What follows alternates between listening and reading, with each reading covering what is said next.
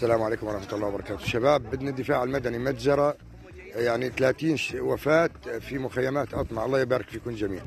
الدفاع المدني التوجه على مقبرة أطمع سكان مناطق شمال غرب سوريا التي تسيطر عليها المعارضة وجدوا أنفسهم عاجزين بعد الزلزال الذي ضرب سوريا وتركيا في السادس من فبراير. عاجزين عن مواجهة تبعات هذا الزلزال المدمر الذي خلف خسائر بشرية ومادية فادحة إضافة إلى نقص الإمكانيات المتاحة وضرورة حفر مقابر جماعية على وجه السرعة لدفن الضحايا. هذه مقابر جماعية وما زال البحث جاري عن المفقودين تحت البناء. خلال الأيام التي أعقبت الزلزال مباشرة كنا على اتصال بمراقبين في هذه المناطق حيث كانوا يعانون من عزلة تامة عن العالم الذي يحيط بهم وحيث يفتقرون إلى كل شيء تقريبا. سعيد السعيد هو أحد المتطوعين في مخيم العتمة للنازحين الذي اكتظ بمئات الآلاف من السوريين الفارين من الحرب الأهلية. سعيد كان حاضرا حين تم حفر مقبرة جماعية. بالنسبة لل- لهدول الجثث ال 30 هن لهم أقارب بهذا المخيم وهن تقريبا من عائلة واحدة أو من عشيرة واحدة. أول مرة بتم فيها ال- القبر الجماعي بالنسبة لأنه نقلهم على المستشفيات المستشفيات مكتظة خارج الخدمة بسبب عدد المصابين اللي فيها. تم التعرف عليهم من قبل أقاربهم اللي راحوا للمكان. يعيش العديد من النازحين بسبب النزاع في سوريا في خيام وهو ما أنقذهم نسبيا من الزلزال. لكن لم يكن لدى الأشخاص الذين استقروا داخل مباني في المنطقة الشمالية الغربية من البلاد هذا الحظ حيث أن أعدادا كبيرة منهم ماتوا عند انهيار المباني.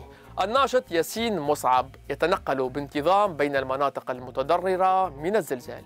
الذي يجري الآن الأهالي يستخرجون الضحايا من تحت الأنقاض وينقلونهم للمشافي فقط للتأكد من أنهم مفارقي الحياة أو لا.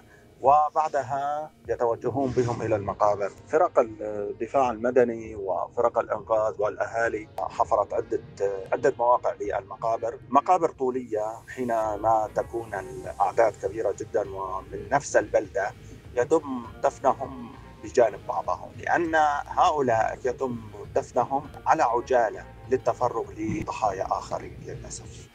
بحسب التقليد الإسلامي يتم غسل جسد الميت قبل دفنه ثم الصلاة عليه. لكن بالنظر إلى الظروف الخاصة دفن ضحايا الزلزال مباشرة دون إقامة المراسم الجنائزية المعتادة. وهو ما جعل العائلات تشعر بألم مزدوج على حد تعبيرهم. الفيديو الذي التقطته كاميرا المراقبة. يظهر نمرا يتجول في منطقة سكنية في جوهانسبورغ. Okay, that's the tiger in our office. هذه المشاهد غير مألوفة لأنه لا تعيش نمور في البرية في جنوب أفريقيا.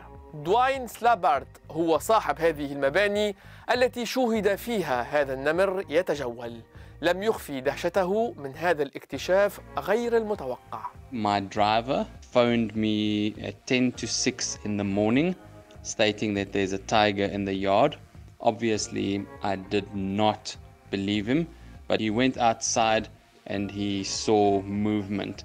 My first reaction, the first camera angle that we saw, we um, we thought it might have been a lion or something like that, or a, I don't know, maybe a big dog, because the first footage was not clear. And then we changed camera angles. We were obviously shocked and in disbelief. هذه الحادثة ليست منعزلة حيث شوهدت أنثى نمر في يناير الماضي تتجول بدورها قرب جوهانسبورغ شيبا هو اسم أنثى النمر التي هامت على وجهها لمدة خمسة أيام كاملة.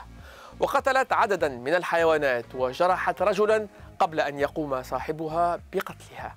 ظهور هذين النمرين في المناطق الحضرية دفع بناشطين في مجال العناية بحقوق الحيوان لإثارة الانتباه بشأن ظروف عيشها في بعض المزارع. كما توضح سارة لوك من جمعية فور باوز. We believe there are links to the exotic big cat industry and and those exotic pet industry it's not like um, this is a you know, a squirrel that can be found in a park. These are animals that aren't native, so they're not found locally in South Africa. So that means that that somebody must actually be breeding those in captivity for a specific purpose. So in the bigger facilities, that's where we've um, our research has shown that actually because animal welfare isn't uh, the key priority, that's really where the, the, the animal welfare standards for those big cats in captivity is not a, a, high standard. The commercial gain and profit is is the real key driver. It's not animal welfare. So the animal welfare is going to fall beside the wayside, and that's our main concern. You can see, you know, the very worst conditions, you can see things like um, animals, and this has been heavily documented. But you can see animals with, you know, lots of mange, things like that, even physical deformities because there there might be inbreeding. جنوب أفريقيا هو أكبر بلد في العالم مصدر للحيوانات المفترسة من فصيلة السنوريات. سواء تعلق الأمر بالحيوانات الحية أو بأجزاء من أجسامها. وتتعرض جنوب أفريقيا بانتظام لانتقادات بسبب سياستها المتساهلة فيما يتعلق بتربية الحيوانات المتوحشة في البلاد. حيث أن امتلاك نمر مثلا لا يستوجب ترخيصا خاصا. بهذا نكون قد وصلنا مشاهدينا إلى ختام هذه الحلقة من برنامج مراقبون موعدنا الأسبوع القادم. إلى اللقاء.